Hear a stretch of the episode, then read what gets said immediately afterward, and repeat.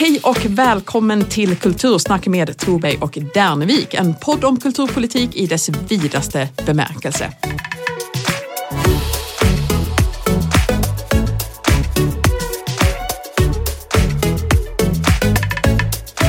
Hallå Ulf! Hej Anna! Vem är du? Jag heter Ulf Dernevik och jag är generalsekreterare för Länsmuseernas samarbetsråd. Och vem är du? hej hej! Jag heter Anna Troberg och är förbundsordförande för fackförbundet DIK. Ja, kul att vara här igen. Ja men verkligen. Mm. Och vet du vad?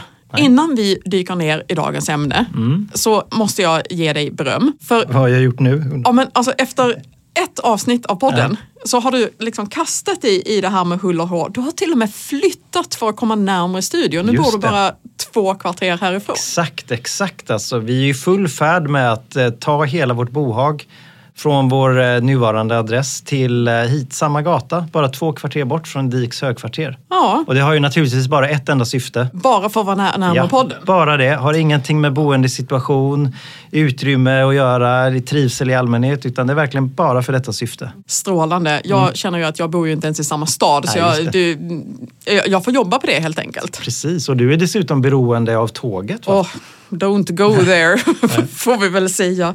Vi, vilket tåg kanske Ja, jag ska exakt, säga, för det dyker aldrig upp. Men du, Mm, vi har ju ett ämne idag också. just det, Kulturkanon. precis. Och vi summerade ju året lite grann förra avsnittet Mm. och då konstaterade vi ju att eh, kulturkanon-direktiven presenterades ju relativt nära in på jul. Och vi kan också säga att kulturkanonen dök ju upp i Tidöavtalet. Just det. Så det är liksom där vi börjar någonstans. Mm. Men om vi börjar då för kulturkanon. Vad är en kulturkanon? Ja, ja, men det undrar jag också nästan. Ja, det var inte så. Um, när jag sökte så här, vad är en kulturkanon? Du vet, som man gör för en kort definition. Så det första jag fick fram så här, en kulturkanon är inte en läslista.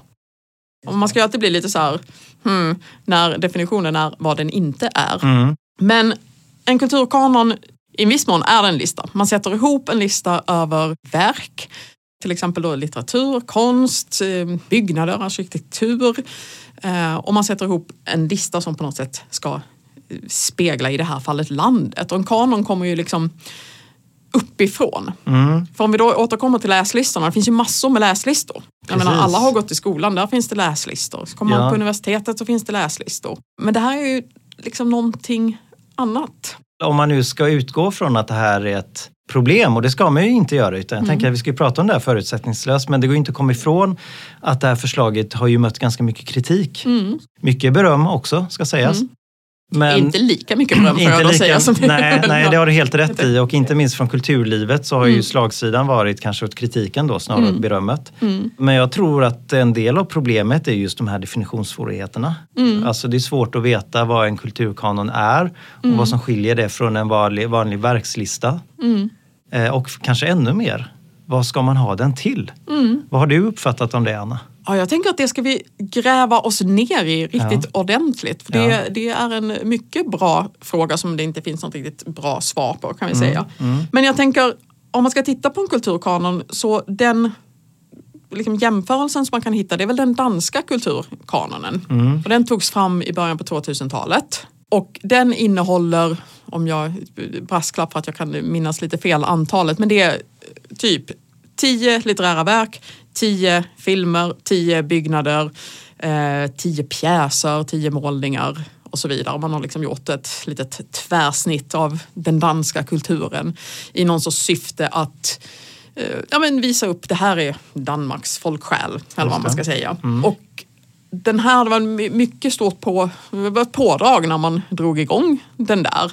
Och den mynnade ut i någon sorts bok som man då skickade ut. Källor säger att den där boken finns oläst i många hem Ja, just i. Danmark. Ja. Eh, Jag har det ryktesvägen att många skolor har ouppackade pallar av den danska kulturkanonen någonstans i källaren. Ja, det kan ju säga någonting. Ja, så det, det har väl inte blivit sådär jättemycket. Man har väl också kikat på just det här användande i, i alltså medborgarskapsprov och den det, typen. Liksom. Men om man ska fånga någon sorts essens i det här begreppet Mm. så är det just att det är någonting mer än att en förteckning av ett antal verk utan det här, gör, det här har ganska stora anspråk. Man har Ja. anspråk på att fånga en nationell själ. Ja. Får, man, får man lov att uttrycka sig så anspråksfullt som det ändå är? Det låter lite högtravande när jag uttrycker det på det sättet, men är det vad det handlar om egentligen? Men det är ju samtidigt på det sättet som regeringen och Sverigedemokraterna som har lanserat det här förslaget i Tidöavtalet. Det är ju så man pratar om det. Man vill liksom fånga något. Ja, men vad är det, vad är det svenska? Vad är det liksom vad är det som utmärker oss? Vad är det för kultur som liksom är, är det svenska? Jag, jag har lite svårt för det, för jag vet ja men det svenska det kan ju vara tusen olika saker. Liksom. Det låter sig inte sammanfattas i en lista. Nej precis, det är väldigt svårfångat ja. Ja, precis. Och det blir ju väldigt svårt. Men jag tittade ju på Danmark då och sen så försökte jag hitta lite fler länder. Så här, finns det fler länder som har en kulturkanon? Och jag hittade ett par länder som hade eh, en, eh, kanske en litteraturkanon. Men egentligen hittar jag inte så mycket där länder hade en officiell kanon. Så det, det verkar ju vara någonting som är kanske inte helt unikt för Danmark och nu eventuellt Sverige, men nästan. Mm. Uh, och då tänkte jag så här, var, varför har inte alla andra länder det här? Det kanske finns ett gott skäl Just till det. det. Och om vi då backar tillbaka till det här offentliggörandet som skedde innan jul. Mm. Då var det alltså så att man höll en presskonferens. Mm. Visst var det så? Ja. Och då var det vår kulturminister Parisa Liljestrand Mm. som ju då också presenterade den person som skulle leda den här kommittén Mm. som då ska ansvara för framtagandet av denna kanon. Mm. Vem var detta? Det var Lars Trägård. Ja, och vem är Ja. det? Lars Trägård är historiker. Eh, han kommer alltså inte från något av kulturområdena utan han är historiker och anses väl då kunna ha ett mer eller ha någon sorts övergripande blick på, på det här. Jag har egentligen inga synpunkter på Lars Trädgård, eh, mer än kanske att han tar an sig uppgiften. Mm. Och det, det är inget så. Eh, och jag avundas honom sannerligen Nej, inte nej. jobbet. Han är duktig författare också, vill bara flika in. Ja, jag, Jag har faktiskt inte läst det, kanske man ska göra. Ja, och jag har, nu får, kan vi ägna oss åt lite boktips här också när vi ändå är igång. Jag har absolut inte läst allting utan jag ska vara helt ärlig så har jag bara läst en enda bok. Mm. Som Lars Trädgård inte heller är ensam författare till utan han har skrivit en väldigt intressant bok för tillsammans med eh, en annan historiker som heter Henrik Berggren. Också prisbelönt eh, historiker. Mm. Eh, Den kom 2006 tror jag och heter Är svensken människa? Mm. Och det är lite vad jag förstår ett försök att fånga in det svenska kynnet. Mm.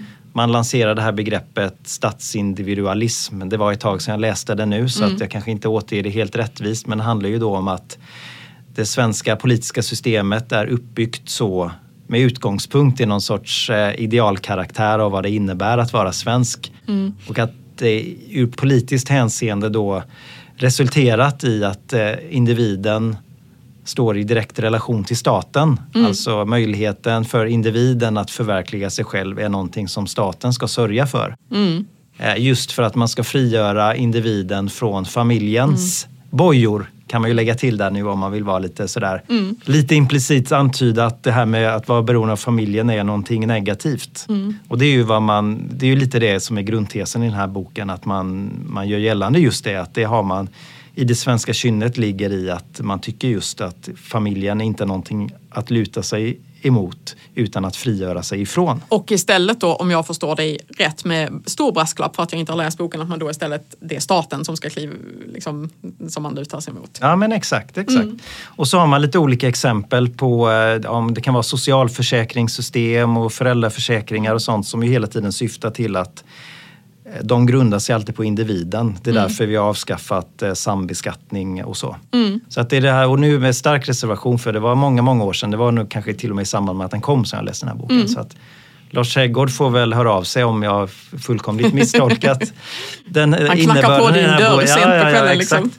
Men jag föreställer mig också att detta, denna ansats som man gör då, att försöka fånga en national karaktär, Mm. måste ju också vara skälet till att just han har fått det här uppdraget. Mm. Men den ansatsen, jag ska ju vara ärlig och säga att jag tycker att den ansatsen inte känns jättefräsch. Mm. Den känns eh, en smula nationalromantisk. Eh, ja, men inte, inte jättefräsch. Jag tror dessutom att det är svårt. Som jag sa, vad, ja, men vad är svenskt? Då, liksom? Det är ju en jäkla skillnad på vad som är svenskt om du frågar mig eller om du frågar någon annan. Liksom. Eh, så jag tror att det är en uppgift som helt enkelt inte riktigt låter sig göras och som man kanske inte heller ska försöka göra. Så jag är ju inte ett jättestort fan av hela den här kanonidén. Men jag tänkte att Andra har ju tyckt och tänkt massor om det här. Vi börjar där bara för att se lite var, var debatten är. Mm. Eh, och då kan man ju säga, du var inne på det i början, att de som jobbar i kultursektorn är ju generellt inte alls speciellt glada över det här och, och uttryckligen aktivt inte intresserade av att delta i arbetet. Vi hade till exempel eh, en grupp författare och även Författarförbundets ordförande som gick ut in i en debattartikel i Expressen, eller hur? Just det. Redan eh, när Tidöavtalet kom. Ja, precis. Ja, Där man tydligt markerade mot att Ja. nej, det här är inte någonting som vi överhuvudtaget vill, vill se. Vi ser inte poängen med det här utan Ja. vill man främja läsning och så, självklart. Men det gör man på andra sätt. Sen har vi också Mats Malm, Svenska Akademins ständige sekreterare och han skrädde inte orden. Han sa så här. Kanon är ett begrepp som är inpyrt med makt och maktutövning. Det är hårda ord. Han gjorde också Hårda ord. klart att Svenska Akademin absolut inte hade något intresse att medverka till en svensk kulturkanon. Även de här 35 författarna brukade ganska hårda ord, tycker Mm. jag. Man pratar i termer av att eh, i övergången från ett fritt till ett totalitärt samhälle så är det första som ryker är det fria ordet. Och det är helt sant. Mm. Det är ju inte så många som invänder mot det tror jag, men däremot man kan diskutera om just kulturkanon är ett uttryck för det. Fast man kan ju å andra sidan också se att en kulturkanon är ju, det blir ju en avsmalning kan man säga. Det blir lite, om du tänker dig kulturen som ett ekosystem Mm. och där man kan strosa runt och plocka lite här och plocka lite där och se ah, vad var det där för någonting. En kulturkanon blir ju lite som att lägga en autobahn genom kulturens ekosystem och så får man liksom så här stanna och tanka bilen lite här och där eh, på förutbestämda platser. Här stannar jag och tankar lite Röda rummet av Strindberg. Här stannar jag och tankar lite Gunnar Ekelöf eller vad det kan vara för någonting. Om man tolkar det positivt så vill man på något sätt främja läsning och folk ska när, till exempel eller andra konstformer om man ska närma sig kulturen. Men att närma sig kulturen är ju också väldigt mycket att, liksom, att söka sig fram, att nosa på det som intresserar en. Och vägen in är ju liksom inte, här är röda rummet, läs den.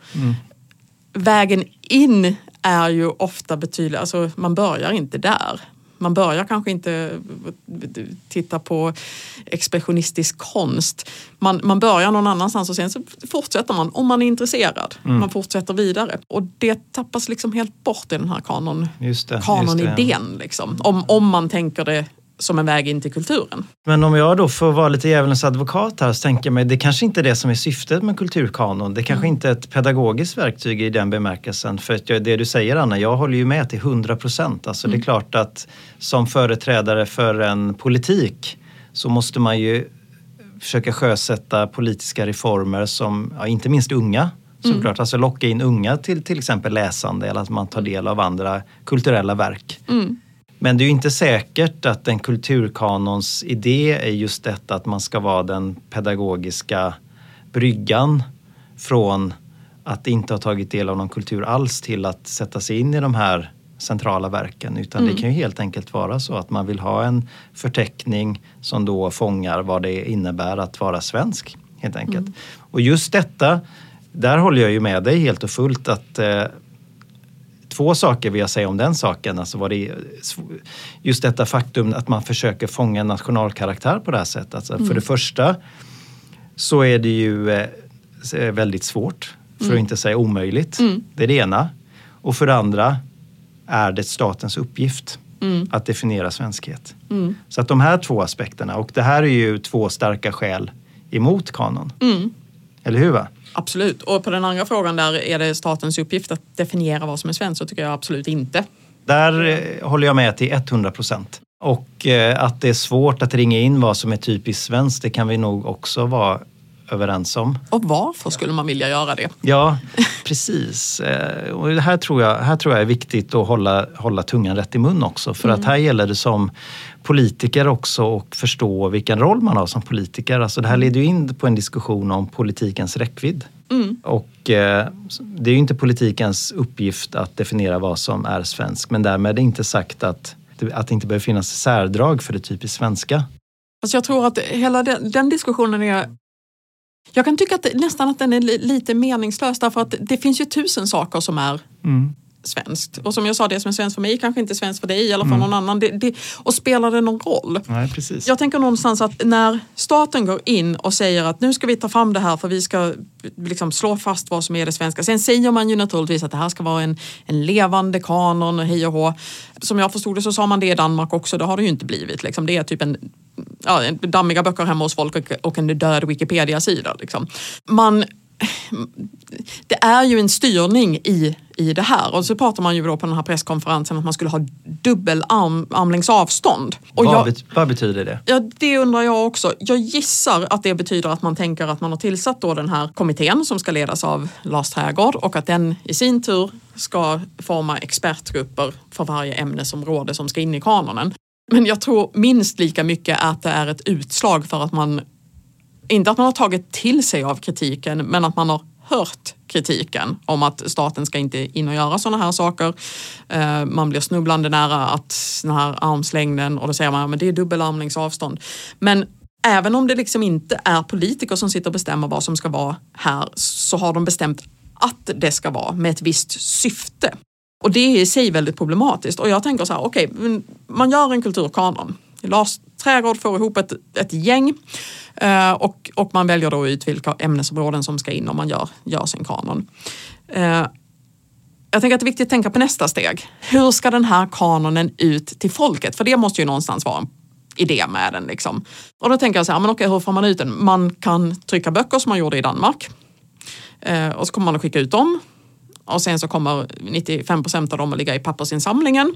Kommer de hem till någon som inte har något kulturintresse från början så kommer ju liksom inte det här och få säga nu, ska vi, nu barn ska vi samlas vid köksbordet och prata om den svenska kulturkanonen. Det tror jag är en utopi. Jag tror inte att det kommer att bli så. Men jag tänker så här, hur ska man få ut den? Skolan, tänker jag. Här då ett, där man skulle kunna säga att den här ska ut i skolan. Mm, Okej. Den här ska ut på biblioteken, den här ska ut på museer. Ja men då, då försvinner ju armslängden. För, för då blir det ju helt plötsligt, då går ju poli- politiken in och bestämmer att nu ska ni jobba med den här. Eller säga till SVT och Sveriges Radio, det här är någonting som ni ska ta i beaktande när ni gör. Nej, det, så ska det inte funka. Nej, precis. Nej, så, det- så det där steget är liksom viktigt att komma ihåg. För nu är det så här, ja men det är ju lite ofarligt om man gör en kulturkanon, det är bara en lista. Mm, men det finns ju en tanke med den någonstans. Även om den tanken inte har varit tydlig från politiskt håll så måste den ju finnas. För varför lägger man annars pengar och energi att göra det? Mm. Man måste ha någon tanke om hur man ska få ut det. Ja, men det där tycker jag är en bra och viktig poäng. Och så bara för att åskådliggöra den lite grann eh, så skrev ju också Kajsa Ekis Ekman en artikel i, jag tror det var Aftonbladet Kultur kanske, också innan jul här. Där hon gav uttryck för sympati för den här tanken. Eh, Och eh, varför jag tyckte hennes artikel var intressant därför att jag tycker att hon var ett väldigt tydligt exempel på när man missar målet i den här diskussionen. För att hon argumenterar då med utgångspunkten, alltså uttalad utgångspunkt. Kulturkanon är en bra sak, det bör vi införa. Och eh, argumentationen som ska styrka den slutsatsen, det är att det är viktigt att eh, unga och barn får ta del av god litteratur, bra litteratur. Eh, och det här är intressant för det här är ju två ställningstaganden som har gjorts här bara på det här första stycket i hennes text. Alltså, å ena sidan så en kanon bör införas, det kan man diskutera. Men det andra är det är viktigt att barn får lära sig läsa. Dels lära sig läsa men också få ta del av bra litteratur. Kvalitetslitteratur som man kan säga lite vanvördigt ibland. Men låt oss använda det begreppet då. För att, du vet, klassikerna, Öyvind Jonsson nämner hon, kanske Per-Anders Fogelström, Vilhelm Moberg, den typen av, av svenska klassiker. Därom är väl alla överens ändå. Eh, kanske inte alla, men, men, men behovet av att barn lär sig, eh, får läsa klassiker. Självklart. Ja. Men Eller det, själv- självklart, nu ska jag faktiskt som gammal litteraturvetare ska jag säga så här, ja det är jättebra att barn och alla läser eh, klassiker, självklart. Det tycker jag också. Men än viktigare är att de läser. Helt sant. Och jag tror att det finns såklart klassiker som är lättillgängligare så att man kan ta dem till sig ganska tidigt. Liksom. Men att man läser är en förutsättning för att man så småningom ska komma till de här du pratar om kvalitetslitteratur. Jag har lite svårt Ja, ja. för men det. så- Men för att man liksom ska kunna gå vidare och läsa ja, men lite, kanske lite lite mer litterära saker. Så jag tänker att man hoppar över ett steg. Ja. Ett viktigt steg. Ab- Absolut, men jag håller helt med om det. Men om, låt oss bara stanna vid premissen att det är viktigt att barnen läser Vilhelm Moberg, säger vi. Mm. Jag håller med om det. Men det är frågan, det är ju rimligen en internpedagogisk fråga så att säga. Mm. Alltså jag skulle inte ha något alls emot om till exempel Skolverket tog fram litteraturlistor. Mm. Kanske inte tio verk som alla ska läsa, för mm. det måste ju rymma en flexibilitet i detta också. Mm. Men säg kanske hundra viktiga böcker i svensk litteraturhistoria. Där ska ju sägas också mm. att i den här eh, som vi var så glada kring förra gången, att skolbibliotek. Där, där sköts ju till pengar till skol, alltså läslistor. Som Just det. Typ den, ja. Ungefär så som du pratar om. Nu. Exakt, eh, och eh, hade det bara varit detta som det syftade till. Helt mm. enkelt att utifrån den pedagogiska professionen plocka fram tips för, för, för, vad barnen bör ha läst under sin mm. skolgång så hade jag inte haft några som helst problem med det. Mm. Men då är frågan, är det verkligen det kanon syftar till? Utan då är det helt enkelt, då är det kanske ingen kanon utan då är det rätt och slätt en, en lärarhandledning eller ett eh, ja. tips på källhänvisningar. Du nämnde universitetet tidigare. Ja. Varenda jäkla kurs man läser, det har ju litteraturlista. Men då är ja. det ingen kanon utan då är det just en litteraturlista. Nej men och skillnaden där är ju liksom att en, en läslista är en läslista. Mm. Och det finns det massor av olika varianter av.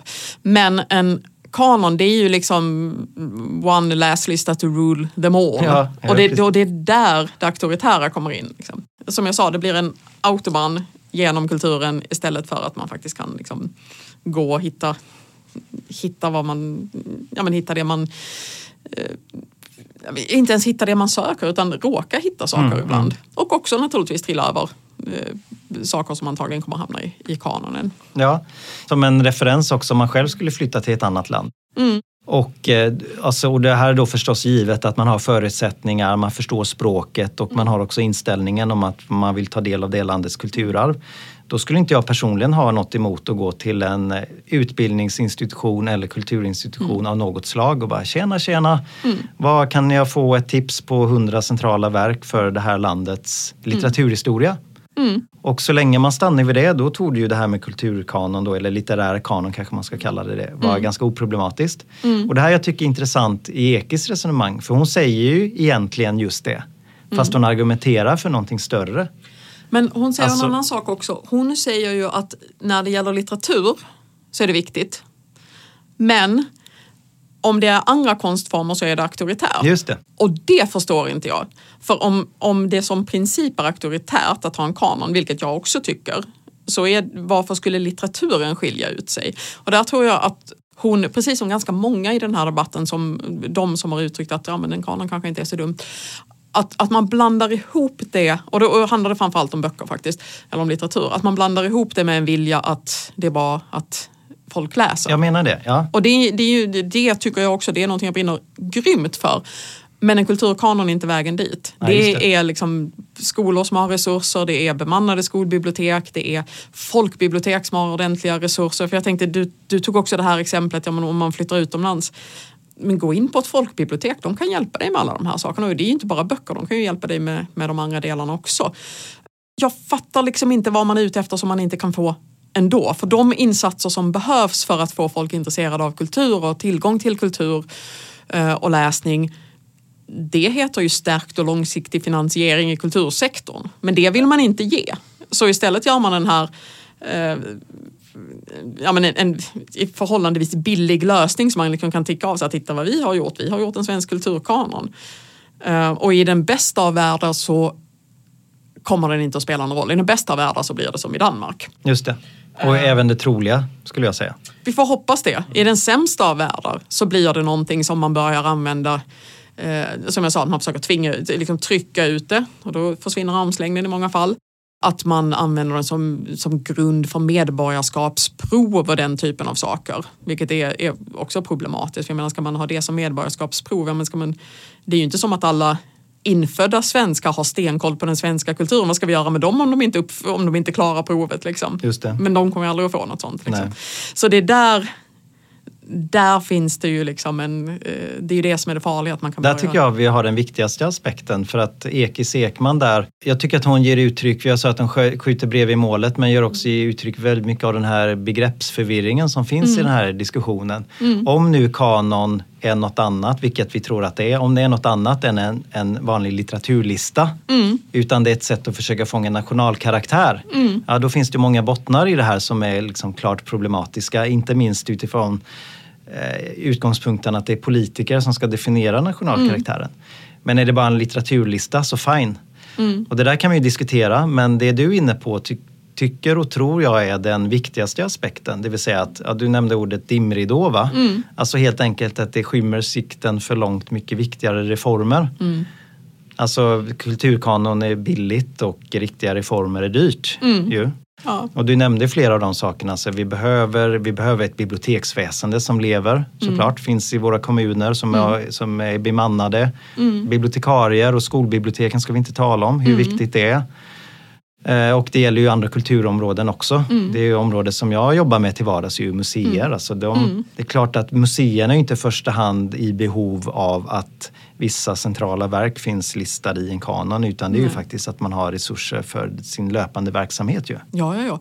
Och också jag tänker ur ett kompetensperspektiv. Alltså det finns så ohyggligt mycket kompetenta människor som jobbar inom kultursektorns olika verksamheter.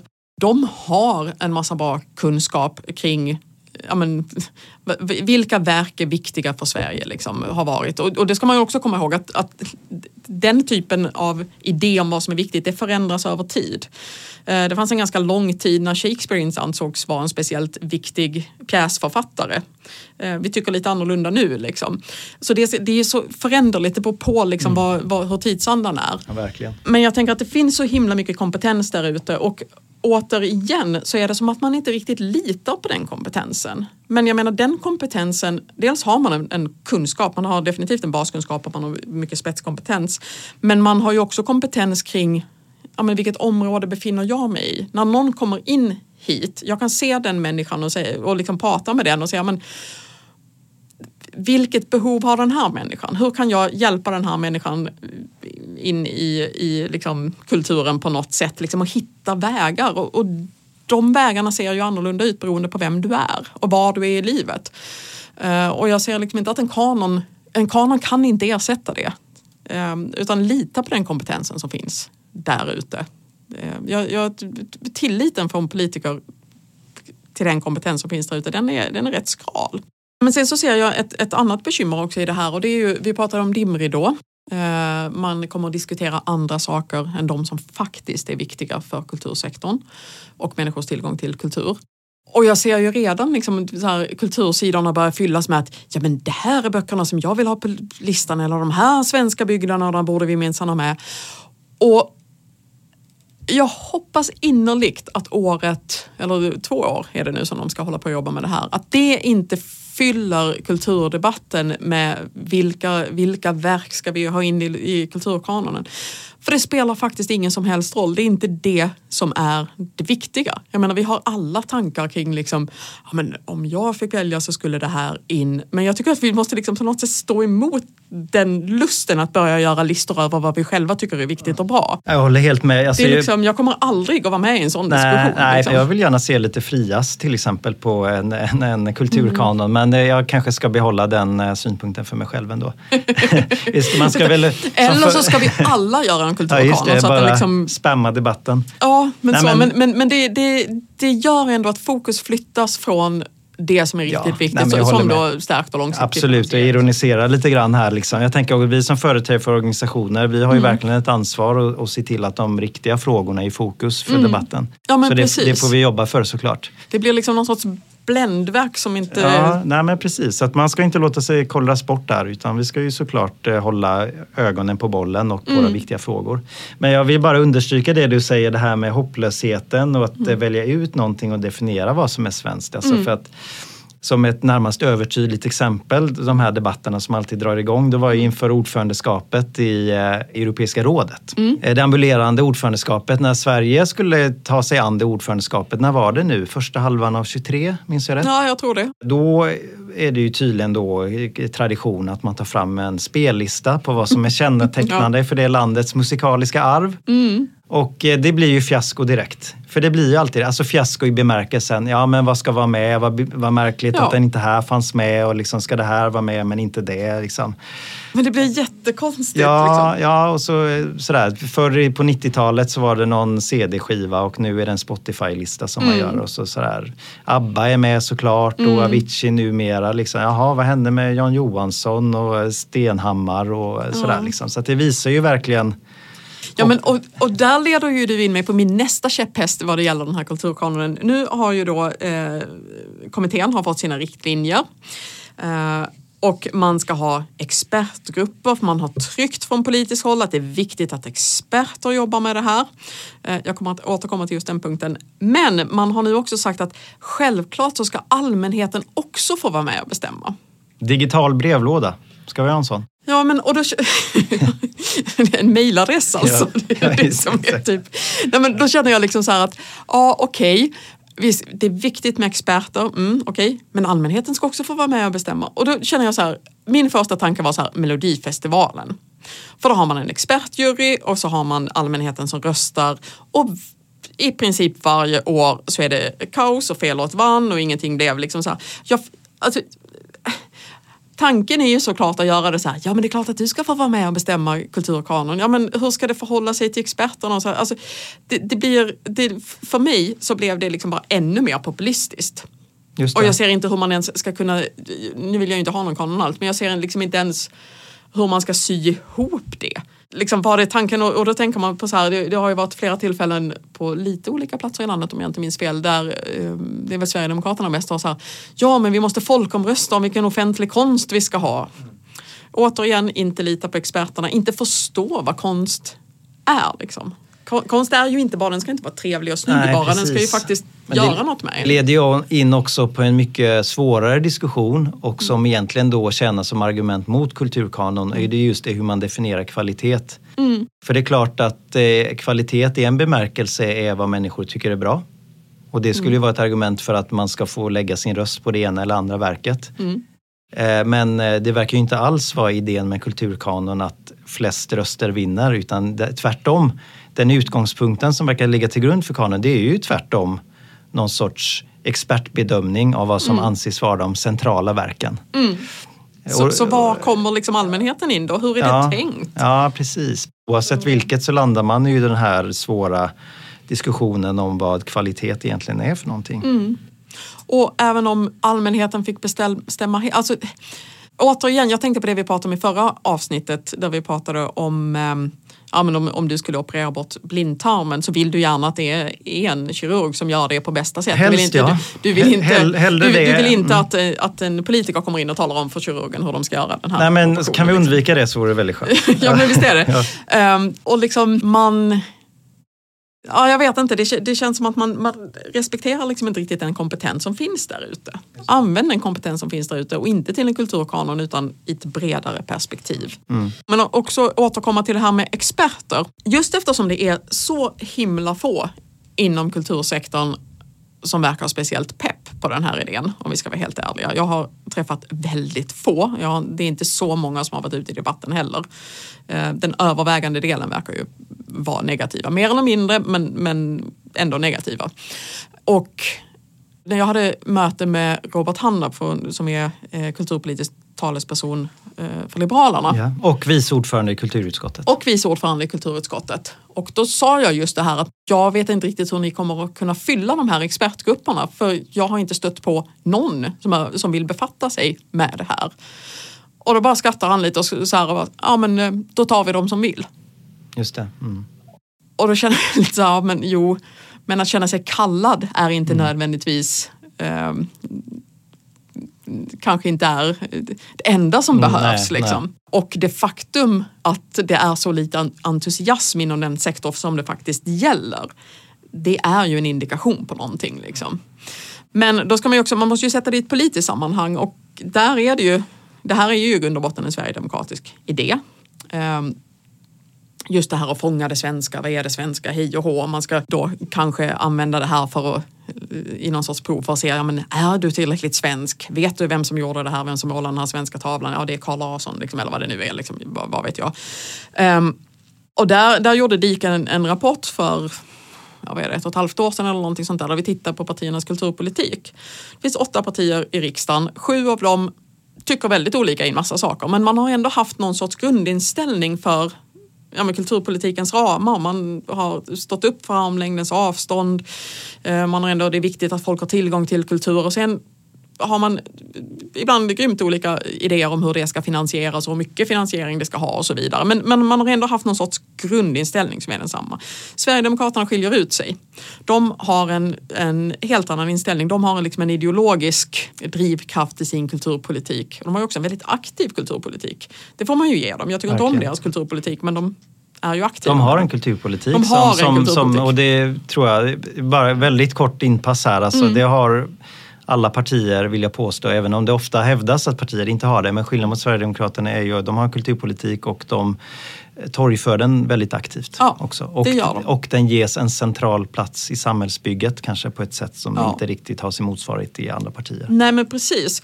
Och då blir det ju också, när den då är ideologiskt driven, när man liksom försöker instrumentalisera kulturen för att liksom lyfta fram sin ideologi i samhället, sin politiska syn på samhället, då blir det ju farligt. Eh, och om man då ser kulturkanonen i det ljuset så blir den ju liksom, eller den behöver inte bli det, men, men det blir ju en ganska stor potential för att det kan bli någonting värre än bara lite coffee table books som slängs. Liksom. Eh, att det faktiskt finns en politisk agenda i det här och där kan jag tycka kanske att de andra partierna, så som jag har uppfattat det, är lite naiva. Och att man liksom ger Sverigedemokraterna det här för det blir nog bra, det blir kanske mm, vad vet mm. jag liksom hur de tänker. Och jag tror att man måste se på det här med lite mer öppna ögon än så. Mm. Och sen också som du sa, de andra, de andra partierna eh, behöver skruva upp sin eh, kulturpolitik ja, och ha en riktig kulturpolitik. Nej men det har du ju rätt i. Där, det skav som finns handlar ju om, om det. Alltså det är ju väldigt viktigt att eh, definitionen av vad som är centrala svenska verk mm. inte blir ett redskap för att vad ska jag säga, domesticera människor eller mm. liksom så eh, insocialisera människor i någon sorts tvångströja om vad som mm. är någon idé om vad det svenska kulturarvet är. Utan det är ju extremt viktig liberal princip och då menar jag liberal i bemärkelsen liksom grundläggande demokratisk, mm. liberal demokratisk princip. Alltså man, mm. man väljer sin identitet och man väljer vilken kultur man eh, väljer att konsumera och sådär. Mm. Men det här handlar ju, eh, vad jag förstår, liksom, återigen iklämmer rollen som djävulens advokat här så två saker vill jag säga om den saken. Jag håller mm. ju fullkomligt med om den här eh, undertonen eller de här underströmmarna som finns. De är ju uppenbara. Mm. Eh, men dels så förstår jag regeringen som, och utredaren också att ett, det är därför man har den här eh, strukturen för att säkerställa att det här handlar om expertbedömningar och det här man pratar om dubbla armlängder och det där. Mm. Det är det ena och den andra aspekten är att ja, fast handlar inte det här om kännedom om de centrala verken. Det är väl inte nödvändigtvis så att man måste bli en anhängare av mm. eh, en viss eh, kulturell uttrycksform. Va? Det är väl mm. inte så att man måste älska gammaldags svensk kultur, liksom mm. någon sorts sverigedemokratisk idé om vad genuin svensk kultur är, utan mm. det handlar väl också om kännedomen om att vissa verk står ut lite grann mm. i byggandet och definitionen av vad som är ett särdrag för vad som är, uppfattas av många som det typiskt svenska. Och det är väl det lite, och även då, och det tror jag väl att eh, om man, det, det, skulle nog företrädarna för den här idén om att införa en kulturtag, jag är ganska övertygad om att man skulle förfäkta den idén. Va? Mm. Men även då, och kanske särskilt då, det är väl i så fall i sig ett argument för att det här ska vara ett pedagogiskt verktyg snarare än ett sätt att fånga en nationalkaraktär. Och då hamnar vi i den diskussionen, eller den slutsatsen igen som vi var i början. Ja, men det kanske inte, man kanske ska lämna begreppet kanon och istället eh, prata om det i termer av pedagogiska verktyg inom ramen för en skolverksamhet till mm. exempel. För återigen, jag har ingenting emot att barnen får stifta bekantskap med Vilhelm Moberg inom mm. ramen för skolundervisningen. Om det sker utifrån en professionell bedömning för den specifika läraren som kanske har fått stöttning och vägledning från litteraturlistor som är producerade på Skolverket och gärna med hjälp av litteraturexperter. Men, men då pratar vi om något annat än en kanon? Ja. Ja. Och, det, och det är väldigt viktigt för som sagt en läslista är en läslista och det mm. finns det massor. Mm. Men en kanon är något annat. Den kommer uppifrån. Även om du lägger lager med, med expertgrupper och kommittéer och, och gud vet vad. Den har ändå kommit uppifrån och jag väntar fortfarande på hur den här ska användas. Jag, jag är verkligen lusläst och jag får liksom ingen, jag har inte ens sett liksom någon ansats alls för att berätta hur det här ska användas Nej. egentligen. Utan det är så här, när, när, när politikerna får frågor om hur ska det här användas. Så här, ja, nej, men det är ju bra, kanske få lite mer. Och så pratar man lite om läsning. Det kommer ju alltid in för alla tycker det är viktigt med läsning såklart. Men jag skulle vilja veta hur de tänker sig att den här ska användas. Ja, men man landar ju där hela tiden. Alltså det blir den här begreppsförvirringen. För du mm. uttrycker det så ja, men då är det inte en kanon, då är det en litteraturlista eller verkslista ja. eller något annat kulturellt kulturellt ja. område. Och det tycker jag är viktigt att man bara försöker klargöra den här distinktionen. För diskussionen landar hela tiden där. Och för att återgå till Ekis igen. Jag är liksom väldigt... Liksom, är du team Ekis? ja, nej, nej, det är jag faktiskt inte. Men jag tycker att den artikeln var så himla bra för att mm. i den bemärkelsen att den verkligen åskådliggör att man eh, säger sig vara för en kulturkanon men man menar i själva verket någonting helt annat. Ja. Så, eh, mm. ja. ja. men precis. Men apropå det här vad man ska använda den till också. Jag har också uppfattat och jag tycker kanske inte att det är så klart uttalat. Men det antyds ofta och uttrycks ibland rakt ut också att det också finns ju integrationsaspekter av detta. Ja. Det sägs ofta att ja, men hur ska man kunna integrera om, integreras om man inte vet vad man ska integreras i så att säga. Och Ja, det ligger något i det också. Men då kontrar jag med detta, en kulturkanon kommer inte att lösa det problemet. En bra skola med resurser kan vara en del lösning på det problemet. Bra skolbibliotek, bra folkbibliotek, Men om man är nya... pengar till civilsamhället, folkbildning, ja. alla de här sakerna. Det kan göra någonting. Jag tror inte att du integreras bättre i ett samhälle för att du får en... Om jag flyttade till Danmark och så fick jag den danska kulturkanon, så här, ja här är den danska kulturkanonen. Det är så här, ja, Alltså, för, för hur man än gör, även om du skulle ta 50 verk för varje liksom, kultursort, eller vad vi ska kalla det, så är det fortfarande en jätteliten droppe i havet av vad som är svensk kultur. Mm.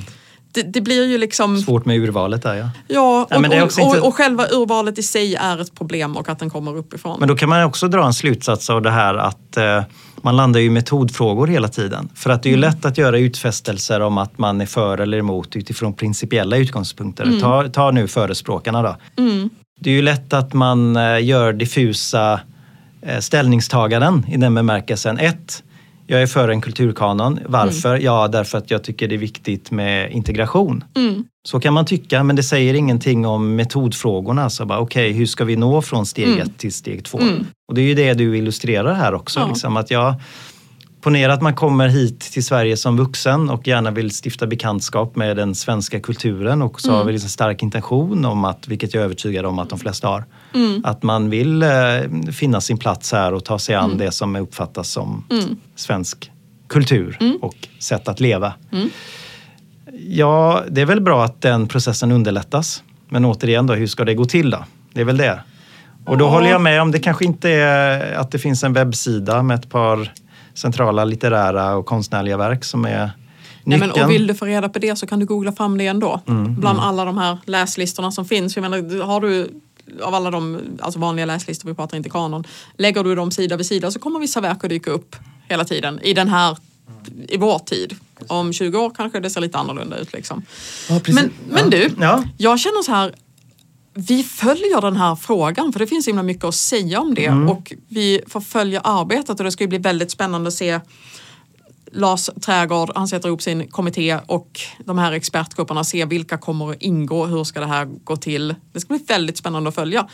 Så jag tänker att vi får göra något mer nedslag för jag tror inte vi kommer att lösa hela frågan här och nu. Nej, precis. Yeah. Vi, vi får väl följa den här helt enkelt och jag är helt övertygad om att vi kommer få anledning att återkomma. Det tror jag absolut. Om inte annat för att jag kommer att propsa på det. Ja, ja, jag tycker det är en det väldigt int det intressant fråga. Ja, verkligen. Ja, men det... det finns mycket att säga. Verkligen. Men du, vi har ju en sån här slutgrej på podden i varje avsnitt där vi lyfter en sak som vi vill diskutera. Och då brukar vi ha en sak var. Men den här gången så visade det sig att vi ville prata om samma sak, så jag tänker att vi gör det. Ja. Och det är, till att börja med, eller utgångspunkten är Richard Jomshofs uttalande om att han vill förbjuda symboler som har med islam att göra. Vad vill du börja säga om det? Ja, vad ska man säga om det? Jag tänker lite så här att eh, man ska ju inte bli förvånad men så blir jag ändå eh, chockad, skärrad och eh, provocerad. Mm. För att det är så, så otroliga uttalanden alltså. Och eh, det här följer ju också en linje. Det var ju eh, slutet av förra året var när Jimmy Åkesson pratade om att riva moskéer. Mm. Och nu pratar Richard Jomshof om att vissa muslimska symboler ska förbjudas. Mm. Och eh, då följer ju också alltid en sidodebatt eh, huruvida man ska låta sig förfasas Mm. Kring detta. Alltså jag har sett många röster som vill göra gällande att ja men nu ska vi inte låta oss luras in i den här debatten för det viktiga är att Sverigedemokraterna får ta ansvar för andra frågor. Man är ansvariga för eh, vård och skola och vad det nu kan vara. Visst, jag har förståelse för det argumentet men jag håller inte med om det för att jag tycker Nej. det här är viktiga frågor och jag tycker det är viktigt att man tar den fighten. Jag enkelt. förfasas ska jag säga och jag, jag tycker också att det är viktigt att ta fighten. Därför att vi har sett nu under år från år från år så har retoriken kring de här sakerna blivit värre och värre och värre. Och det möter inte alls det motstånd som jag skulle vilja se. Därför det- vi, vi pratar om en väldigt stor grupp svenskar och människor som har, har kommit hit för att leva sina liv i Sverige som stöts bort. Eh, och det är inte okej för mig. Liksom. Dessutom så, jag tänker du tog upp ett par exempel. Vi ska också kanske ta in exemplet på um, statsministern som på Folk och Försvar pratade om att ja, men nu måste man, jag kommer inte ihåg det exakta citatet, men man måste strida med vapen i hand för att försvara Sverige. Och sen var det någonting om eh, medborgarskap där han liksom antydde att vi kan inte riktigt lita på de som har kommit hit att de ska ha någon försvarsvilja. Vilket mm, det inte finns. Det inte det bygger så. han inte på något annat än Ja, jag vet inte vad han bygger det på. För det, Sociala medier. Ja, typ så. Och, och det där det skickar ju så himla starka signaler till en väldigt stor grupp människor att ni hör inte hit, vi litar inte riktigt på er. Och det där är så, alltså det är ur ett människorättsligt och empatiskt perspektiv så är det helt fruktansvärt. Men det är ju också om man ser det liksom i ett, ja men säkerhetsläget är inte jättetoppen. Vi behöver vara enade. Vi har inte råd att titta på våra grannar och säga, ja men det kan jag inte lita på eller du är inte liksom. Det, det får sådana stora ringar på vattnet. Och, och jag tror absolut inte på att inte säga så mycket. Och jag, när jag såg att Jomshof sa, sa det här och han är ju liksom inte vilken tjomme som helst. Han är ju ordförande för justitieutskottet. Så han är ju liksom viktig, han är högt upp i sitt parti. Så tänkte jag, okej nu ska det bli intressant att se vad andra politiker säger om det här. Och Johnny Cato från Centerpartiet, han var ute väldigt snabbt och fördömde väldigt tydligt, alldeles exemplariskt tycker jag. Maren Demirok var också i eh, debatt i Studio 1. Precis. Jättebra. Men statsministern ville inte svara, han skickade vidare till justitieministern. Och justitieministern sa att ja, men det finns lagar som förhindrar att man förbjuder sånt och så var det inte mer med det. Och det var så här, ja fast man kanske skulle kunna förvänta sig ett lite kraftfullare svar. Att det är inte så här vi pratar om, om människor i Sverige. Vi förbjuder inte den här typen av saker. Vi liksom något tydligare. Även Johan Persson sköt sin fråga vidare. Eh, och då var det också något svar, ja det är ju ledsamt typ att man säger så här. Det är så här men vi måste markera tydligare och, jag, och det blir så starkt att regeringen inte vill stöta sig med Sverigedemokraterna. Ja, men det är väldigt Det, tydligt. det är liksom, och det, vi ser det om och om och om igen och någonstans så ska vi hålla ihop samhället och kunna leva bra, ha ett bra land som vi kan göra säkert för eventuella inkräktare och hej och hå. Liksom, vi, vi har inte råd att hålla på så mot varandra. Det är ovärdigt. Verkligen. Nej men eh, jag håller helt med och eh, det är ju så enkelt egentligen att eh, Sverigedemokraterna tar ju det utrymmet som ges dem helt enkelt. Ja. Så att sätter man inte ner foten så kommer man fortsätta på det här spåret och även värre. Ja. Så att det är ju viktigt att eh, regeringsföreträdarna faktiskt eh, markerar mycket, mycket, mycket hårdare mot det här eh, än vad man har gjort. Ja. Och det är också så att det är inte så svårt att förstå ur vilket makt, maktstrategiskt perspektiv man väljer att inte agera. Som du säger, man vill inte stöta sig. Men man får väl ha i åtanke att ett, den eh, regeringsmakten den kanske inte är värd att kompromissa med den typen av grundläggande värden. Någonstans måste ju gränsen gå. Någonstans måste gränsen gå. Och två, jag tror inte ens att regeringsmakten står på spel heller för att Sverigedemokraterna har ju inte så mycket alternativ som koalitionspartner.